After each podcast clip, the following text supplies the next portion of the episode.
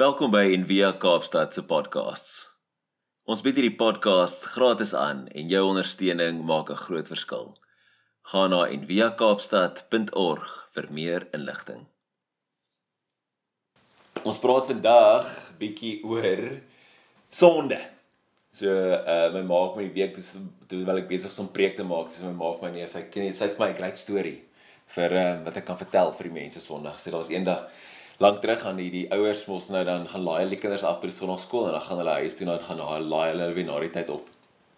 En dan sê die pa vir die seentjie nee maar wat het Dominee oor gepraat vandag? Sê die seentjie is gou groter en sê sonde. En dan sê die pa vir hom ja, en wat sê die Dominee oor sonde? Sê sonde is verkeerd. en dis die totaliteit van die verstaan van sonde. Sonde is nie reg nie. So sonde is vir ons uh, is baie keer vir ons oh, dis dis ongemaklik om oor te praat. Soos Fritz ook nou gesê het. En dis nie lekker nie. Dis nie populêr nie. So ons praat kan ons 'n bietjie sagter daaroor, weet ons. Uh, dis nie so veel so polities korrek om te praat oor sonde nie en dis nie so woke nie. Ons so ons praat ons gebruik ander woorde. So ons sal praat oor brokenness en ons valse self en uh al sulke goeie. So nou die dag luister ek hierdie een teoloog, hy praat oor die, die Griekse woord harmartia wat sonde vertaal word vra vir hom wat wat beteken dit regtig? Hy sê sonde. Beteken sonde. Dit beteken sonde. Dit beteken iets anders, iets anders weer wat jy nou kan weet dit omseil nie. Sonde, sonde, sonde, sonde is verkeerd. So tog weet dis moeilik om oor te praat, maar dit is so 'n belangrike ding om oor te praat. Ons lewe in 'n samelewing dink ek baie keer wat dink al alle mense is eintlik perfek. En dit is van buite af wat ons seer maak en ons breek en so, maar ons is eintlik almal fyn. En lent is deel van daai uitnodiging om eerlik met jouself te wees en jouself in die spieël te kyk of in die gesig te staar en te sê, "Hm, nie so fyn nie. Dit's eintlik nie eintlik nie so oukei nie." So lent is die uitnodiging om ons harte te skeer, soos ek nou die Sondag gepreek het. Nie oor hoe seer jy gekry het nie, oor hoe jy te nagekom is nie en hoe wie ook al jy nou gelos het nie, maar oor hoe ver weg ons geval het, gereis het van dit wat wat God vir ons wil hê en die wêreld wil hê, hè. So mense dink die Bybel, weet dit is ook die redes hoekom mense die Bybel vermy. Hulle sê die Bybel het so baie te sê oor hoe sleg die mens is. Ehm, um, maar die ding is hulle is reg. Die Bybel het baie te sê oor hoe sleg die mens is. Want God gee om oor dit. Hy wil nie dit hê nie. Hy wil hê jy moet mens wees soos hy bedoel het dit moet wees. So dis hoekom ons sekere dele oorslaan. Soos hierdie Psalm 51. So Psalm 51 is altyd een wat ek so half gedodge het om te preek. En vandag toe sy nou toe nou vandag se leesrooster opval, toe dog ek, okay. Kom ons vat Psalm 51. Psalm 51 is Dawid wat sy sonde bely, na sy sonde met Batseba. Het hy uh dit bely. En uh in die message uh, Eugene Peterson vertaal dit so mooi want hy vertaal eintlik wat eintlik aangaan in die hart. Daai wegval, daai doodgaan, daai daai stikkendheid en hoe God kom kom en daai kom regmaak. En hoe hy help om vorentoe te gaan is so mooi. Maar ehm um, so hierdie hierdie hierdie woorde wat in die in die Bybel is oor sonde is vir ons moeilik. Dit is moeilik vir ons, dit is moeilik om te hoor. So selfs in hierdie ehm um, Psalm 51 die eerste die die eerste paar verse dan kry ons hierdie woorde sonde, oortredinge, ongeregtigheid. In die, in die Engels is dit sin en transgressions en iniquity. Nee, dis sulke harde woorde wat vir ons moeilik is om te hoor. So ehm um, daai eerste deel, dis vers 3 van Psalm 51 dink is soos dit. Dit sê: "Wees my genadig o God, na u goedertiere en hy delg my oortredinge uit na die grootheid van die barmhartigheid. Wys my heeltemal van my ongeregtigheid, was my heeltemal van my ongeregtigheid en reinig my van my sonde." So daar wek is om in twee verse al drie woorde wat die uh wat die Bybelse skrywers hou van om te gebruik om oor wanneer hulle praat oor sonde. So dis ehm um, dis dis dis jammer dat ons unfortunate en ek die Engels sê dit mooi unfortunate ongelukkig jammer dat ons dit so vermy hierdie tema want die Bybelse skrywers gee eintlik vir ons 'n baie goeie en 'n baie diep diagnose van die menslike natuur van hoe ons is. En en dit kan ons help. As jy die diagnose het dan kan jy die siekte gesond maak. So en dit kan ons help om nader te kom aan hoe goeders moet wees om gesond te word. En die uitnodiging in lent is om weer op reg na onsself te kyk Lent gaan nie net oor ietsiekie vas en dan so kan ek in die geheim gewig verloor hê. Soos ek gaan chocolate vas, maar eintlik wil ek gewig verloor want suiker, dis ook kan 'n bonus.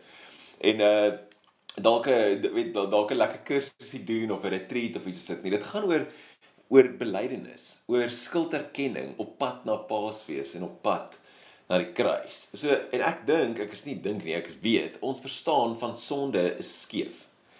En ironies genoeg is dit wat een van die woorde, die Hebreëse woorde avon beteken. Dit bet, ons betaal avon as ongeregtigheid of 'n uh, iniquity. Dis krom en skeef. Ons verstaan van sonde self as krom en skeef getrek. So ons verstaan sonde baie keer soos 'n laerskoolkind skoolreëls verstaan. En as ek na my kyk na my seentjie, hy's ook so verskriklik geïrriteerd. Hy verstaan nie hoekom moet hy skoene dra nie en elke keer kom hy in die moeilikheid met hy dra nie skoene nie en hy wil sy hare lank groei. So hy's 11 en hy wil lang hare hê en hy verstaan nie hoekom mag hy nie lang hare hê nie. En ons dink baie keer sonde is soos dit. Die hoof het besluit jou hare moet so lank wees of jou rok moet so lank wees en jy mag nie boom klim in pauses nie en wanneer kom jy in die moeilikheid en ons daar en kry nog 'n pak slaag ook bo op dit. Reg, maar dis nie dit nie. Dis nie wat sonde is nie. Sonde is nie skoolreëls nie. Dis iets anders dit gaan baie dieper as dit. So daar's 3 ehm um, daar's 3 Hebreëse woorde wat ek jou wil leer vandag. Die eerste een is avon. Avon. En avon is 'n woord wat beteken ongeregtigheid. Ons betaal dit as dit dit dit dit word baie keer vertaal as goddeloos of wicked in die Engels. Ehm um, avon ongeregtigheid of sommer net word net betaal betaal net sommer net as sonde. Reg. So avon kom van die woord af in Hebreëus ava. En ava beteken krom of skeef. Soos 'n soos iemand die wanneer die Bybel se skrywers trek skryf en hulle sê in my ou dag was ek skeef getrek. Dit is soos ek het krom, my rug is krom. Dis ava. En die ehm um, as hulle praat oor 'n pad wat wat weird loop, dan sê hulle die pad is ava. En avon kom van daai woord af, 'n pad of iets wat krom is. So dit gee vir die Bybelse skrywers natuurlik soos die perfekte metafoor. Wanneer iemand in die Bybel iets verkeerd doen, soos om weg te draai van God af, dan word dit beskryf as iets wat skeef getrek het. So avon is iets wat ons baie sien as ons ons koerante oopmaak, is korrupsie. Dis iets wat verdraai is. Die maniere goeders moet wees en dan is dit ons krom en skeef getrek.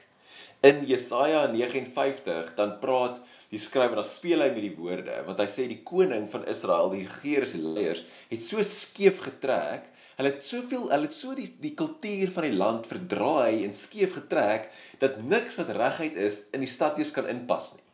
Want die ding het so skeef getrek al. En ons sien dit baie. Korrupsie is vrot oral. So dis avou, dis wat dit is. Avou gaan oor meer as net die konsep gaan oor meer as net die krom aksie, die korrupsie. Dit gaan oor die die die gevolg daarvan. En ons kan sien in ons eie land hoe korrupsie mense seermaak. Hoe dit geld en dienste en mediese toerusting weghou van mense wat dit nodig het. En daai is avon. As jy sien hierdie hierdie hierdie hospitale wat so vol staan en wat die goed nie weggery word nie, wat nie werk nie en ons het genoeg nie, daai dis avon. Wanneer mense seer kry as gevolg van die die as gevolg van die skeeftrek, as gevolg van die gebreekte verhouding, as gevolg van die siklusse van geweld, die die die die die konsep eintlik van straf, wanneer jy gestraf word vir jou sonde, daai idee is dat jy word gelos met die gevolge van jou skewe aksies. So God gee jou oor. En hy sê dra dit, dra dit. Die die taal is jy dra daai gevolge van hierdie skeefgetrekte lewe. En dis daai Paulus wanneer hy praat in die Nuwe Testament dan skryf hy sê mense wat nie wil luister nie, hulle wil nie hulle sonde bely nie, moet hulle oorgegee word aan die duiwel, nê? En ek het al baie keer as 'n pastoor dan dink ek, ek wil hoe werk dit? Het hoe gee ons 'n paar mense, ek het nog al 'n lysie van 'n paar mense wat ek wil graag wil oorgee aan die duiwel. En as ek sê, hoe werk dit? Dis al papierwerk, weet met mense, wat is die proses hier? So, maar dis wat dit beteken. Dis is los hulle net oor dat hulle na die resultate van hulle aksies dra, die die konsekwensies van hulle keuses dra reg? So daai ding, al daai sê ding met mense, ek haat daai sê ding, alles gebeur vir 'n rede. Dit's ek soos ja, baie keer is daar rede, jy is stupid, jy maak dom besluite. So dan moet jy nou maar die gevolge dra van jou aksies of van jou keuses. So God se reaksie op mense se sonde, mense se avon is dat die mense die gevolge van hulle keuses dra. Hulle moet hulle iniquity dra. In die Engels sê dit you bear your iniquity. So in in die Afrikaanse Bybel word dit daai frase bear your iniquity of dra jou die gevolge van jou aksies word vertaal met een woord, nê? Nee? Skuldig. So wanneer jy skuldig is, dan moet jy die gevolge van jou aksies dra. Nou wat baie interessant is in die Bybel hoe hulle die hoe hulle skryf, want God doen hy doen iets, hy doen iets met Avon wanneer ons dit bely. Psalm 32 vers 5 sê dit sê dit so beautifully, hoe ek wys dit vir jou. Dit lees dit sê my sonde het ek het ek u bekend gemaak. So ek het dit bely en my ongeregtigheid het ek nie bedek nie. My Avon, die woord ongeregtigheid is Avon. My ongeregtigheid het ek nie bedek nie en ek het gesê ek wil aan die Here my oortredinge bely en U die ongeregtigheid van my sonde vergewe. So daai daai laaste deeltjie wat vertaal word as vergewe, letterlik in die Hebreëus as jy gaan lees dan sê dit jy het my sonde gedra. So dit sê ek het my sonde gedra, ek het dit kom dra tot by jou en toe het jy dit gedra. God het dit gedra. Dit is van die mooiste dinge, is lank voor die Nuwe Testament. Ons verstaan hierdie idee van Jesus dra jou sonde of Jesus vat jou sonde as 'n Nuwe Testament ding, maar ons kry dit in die Ou Testament ook. Dis eintlik die mees algemene manier wanneer die skrywers praat van vergifnis, dan sê hulle, maar God dra dit. God dra en hy vat die gevolge van die van die skuld. So die die tweede woord wat ons kry in die Bybel oor sonde, ek kan dit sou met my sê is maklik een, pesha. Pesha. So pesha beteken oortreding. En so baie keer dan dink ons oortreding is iets soos weet terug by die skoolreël metafoor, iets wat jy net so 'n reël wat jy oortree het, iets wat jy verkeerd gedoen het. Maar die in die Bybel gaan die woord pesha gaan nie net oor om 'n reël te oortree nie, dit gaan oor vertroue. Dit gaan oor trust. So wanneer jy iemand se vertroue verraai, wanneer wanneer jy hulle bedrieg, wanneer jy hulle vertroue breek, wanneer jy hulle in die rug steek, of wanneer iemand jou in die rug gesteek het. En dit het al met baie van ons gebeur. Dit is pesha. So in in Bybelse Hebreëus, jy kan nie iemand pesha nie. So ek pesha nie jou nie, ek pesha met jou. So twee mense, dit vat twee mense om te pesha. Reg? So byvoorbeeld, as ek steel by 'n vreemdeling, die mense af in die straat, nê, en ek gaan steel 'n TV daar. Dis nie pesha nie. Maar wanneer ek 'n TV gaan steel by Joshua, of ek vat sy skooter. Dis pesha. So dis iets anders. Dit gaan oor mense wat mekaar ken, wat mekaar se vertroue breek. En die hele Bybelstorie is eintlik die storie van pesha. Die Israeliete met God wat God verraai het, wat weggeloop het van hom af. Adam en Eva met God. Dit gaan oor pesha, daai dit om trust te verbreek. En tussen alle mense wat in die beeld van God gemaak is. Wanneer ons die mensdom verraai vir geld en vir roem en vir mag, Dis pesha. En Paulus praat van die mensdom wat die vertroue tussen God en mens verbreek het. Die mensdom is vas in hulle pesha en mense met mekaar. Soos die tweede manier. Eerste een afwoon gaan oor skeefgetrek, korrupsie. Tweede een pesha wat gaan oor trust, oor vertroue. En die laaste een, ehm um, die laaste woord, eintlik die mees algemene een is gata, gata. Ek kan sou net sê gata. Daai k h soos 'n g. Gata. So ehm um, gata beteken sonde. Dit beteken om te mis. Gata. Dis is ek dink altyd daai weet in die Bybel as dit vertel, van die ou wat met sy met sy slingervel geskiet het en toe mis hy, dan sê die woord hulle gebruik is gata. So dis 'n verduideliking wat ons al baie oor gepraat het wat Vriende ook nou genoem het om te mis. Jy mis die punt, jy mis die doel. En die vraag is dan, maar wat is dan wat is die doel dan? As ons praat van gata gaan oor om die doel te mis. So mense is in die beeld van God gemaak. Mense is almal in die beeld van God gemaak. En om mekaar nie lief te hê en nie te respekteer nie, is om teen God te sondig. Te gata. Die Bybel sien daar twee goeders as een ding. Dit sê soos soos wanneer Kain vir Abel doodgemaak het, dan sê die teks hy teen God gesondig want die mens is die beeld van God. So dit gaan oor oor liefde. En sonde, gata, is die mislukking om soos volkomme mens te wees soos wat God dit bedoel het. Om volkomme mens te wees is eintlik eenvoudig, is net twee goed. Dis om ander mense lief te hê en om God lief te hê. En daai twee goed is aan mekaar vas. Hoe jy, hoe jy te werk gaan met alle mense is hoe jy te werk gaan met God. En wanneer jy daai goeders nie doen nie, dis gata, dis sonde. Dis dan verkeerd. So sonde is nie wie jy liefhet nie. Dit gaan oor of jy 'n verkeerde mens liefhet nie. Sonde gaan oor wie jy nie liefhet, wie jy nie liefhet nie. Die mense wat jy vermy. Die mense wat jy misbruik. So sonde gata is die keuse om onsself eers te kies ten koste van ander mense. En daai hardloop diep in ons, nê, as mense. Ons ons is baie besorg oor ons eie oorlewing en ons eie begeertes en ons maak ons heavy selfsugtig. En ons eie behoeftes wat ons egos net wil streel, ek en kan beter voel. En dit maak dat ons die merk mis. Dat ons mis wat dit is om mens te wees. Want ek wil, nê, self. Wie daai almal dan kindertjies is engeltjies tot hulle begin sê, "Maar ek wil self, self, myne, myne." En ons doen dit ons hele lewe lank, self, self, myne, myne. En dis deel van wat die enneagram eintlik so awesome maak, wat 'n groot deel is van Envia, is daai dit praat oor die elke tipe in die enneagram het 'n het 'n 'n vice. En dan het hulle dit nou dit kom eintlik van die oorspronklike sewe sondes of nege sondes uit. En dis die manier hoe ons hoe ons selfsugtig is. Elke mens is op 'n ander manier selfsugtig. So ek is 'n 4. So die 4s is gaan baie oor jaloesie en wie. Jaloers op wat ander mense het. Want ek wil, ek wil self, ek wil dit hê teenoorgestelde van sonde is die waarheid, aletheia in Grieks. Dit beteken om te ontbloot, om oop te maak, soos iets wat toegegooi is met 'n doek en haal jy die doek af. Dis waarheid. Dis wat die woord waarheid beteken. So om ons maskers af te haal en die maskers van sonde wat ons gebruik om ons behoeftes na mag en sekuriteit en aanvaarding te voed. Ons jaloesie, ons welis, ons trots. Die ehm um, kerkvaders het gesê daar's eintlik een sonde was eintlik net een. Is trots. Pride. Want ek ek is belangriker as die mense om my. Ek is belangriker as God. Ek ek's eerste. En Paulus skryf, hy sê hy skryf dat hierdie geta in hom in hom woon en dat hy slaaf is daarvan. En dit ons dat ons onversuim om mense lief te hê en om God lief te hê wat maak dat ons die pot missit en dat ons Sondag gata En ons kan ook nie onderskei tussen goed en kwaad nie. Want die mense se snaakse ding, nê, ons doen amper nooit iets wat ons dink verkeerd is nie. Dink jy daaraan? Die goed wat jy gedoen het wat verkeerd is, die naderheid besef het verkeerd. In die oomblik het jy gedink ek is totally justified om hierdie te doen. Niemand doen regtig iets ooit as dit verkeerd is nie. Hulle sê net jammer wanneer hulle gevang word. Nee, dan kan hulle baie verskillik baie jammer.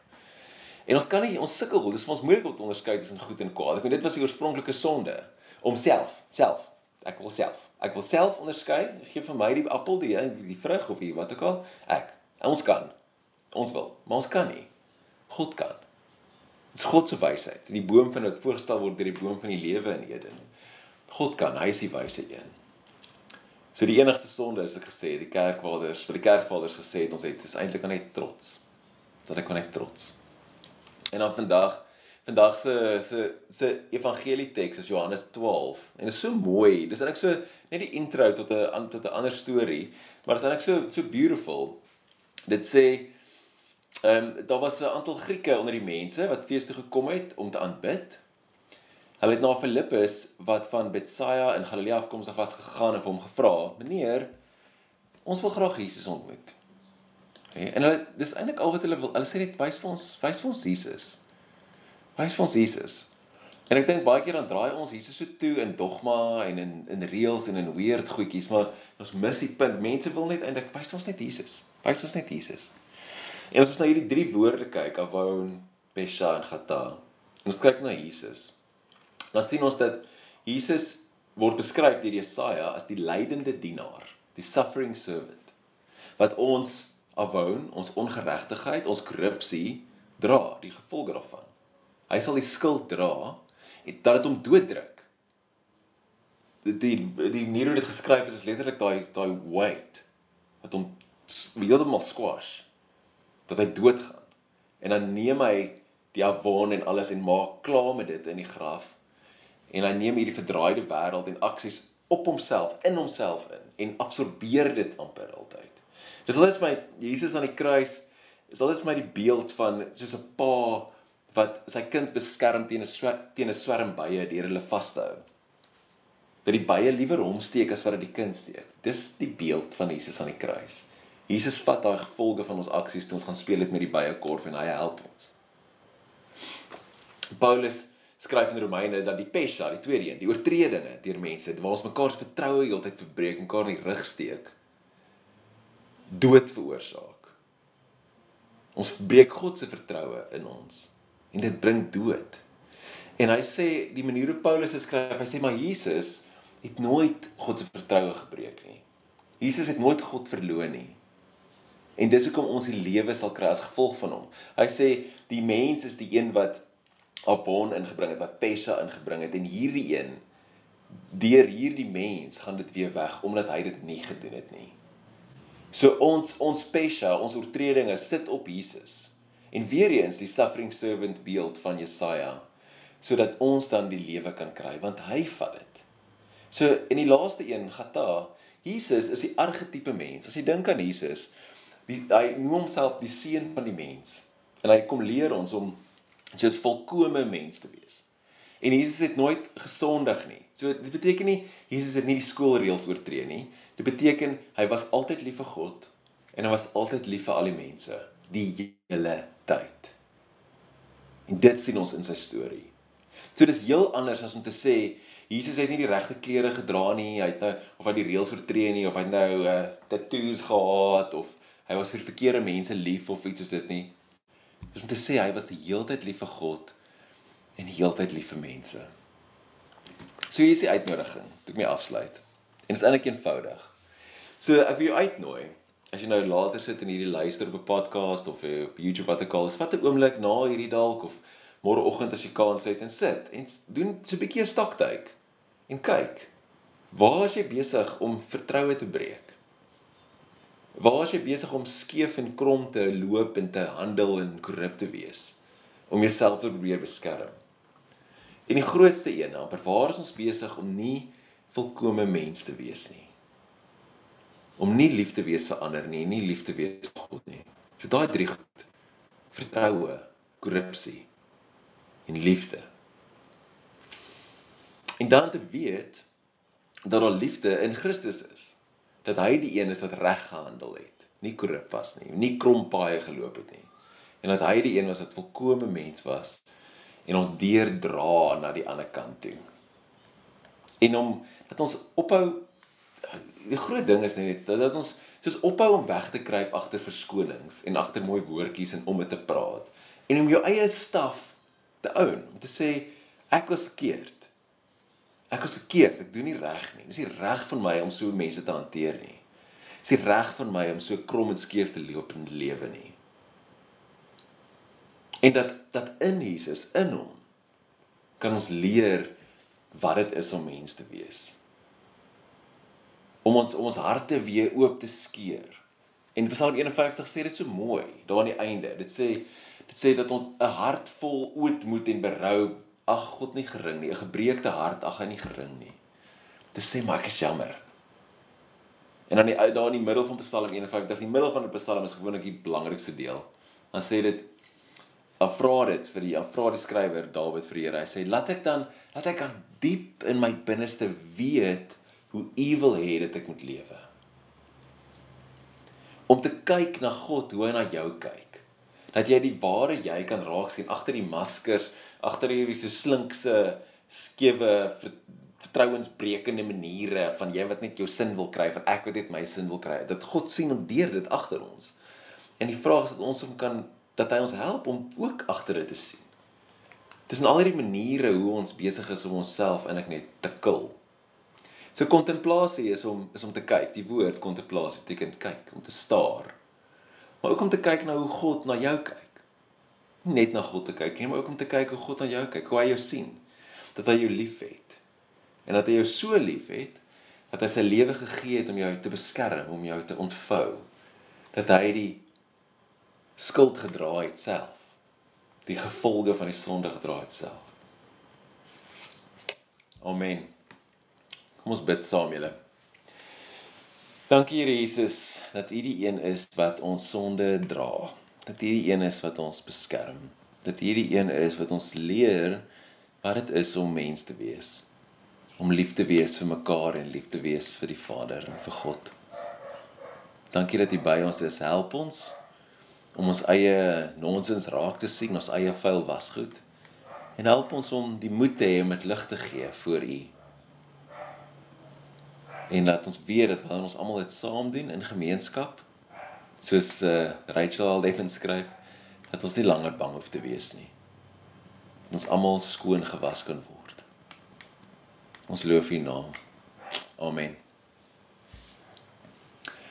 Jy kan jou hande net so uitsteek vir 'n oomblik en dan spreek ek vir ons seën uit. Mag jy opnuut weer na jouself kyk met eerlike oë en sien daar waar jy besig is om skeef te trap. En mag jy God se vergifnis, God se dra van jou skuld aanvaar. In die naam van die Vader en die Seun en die Heilige Gees. Amen.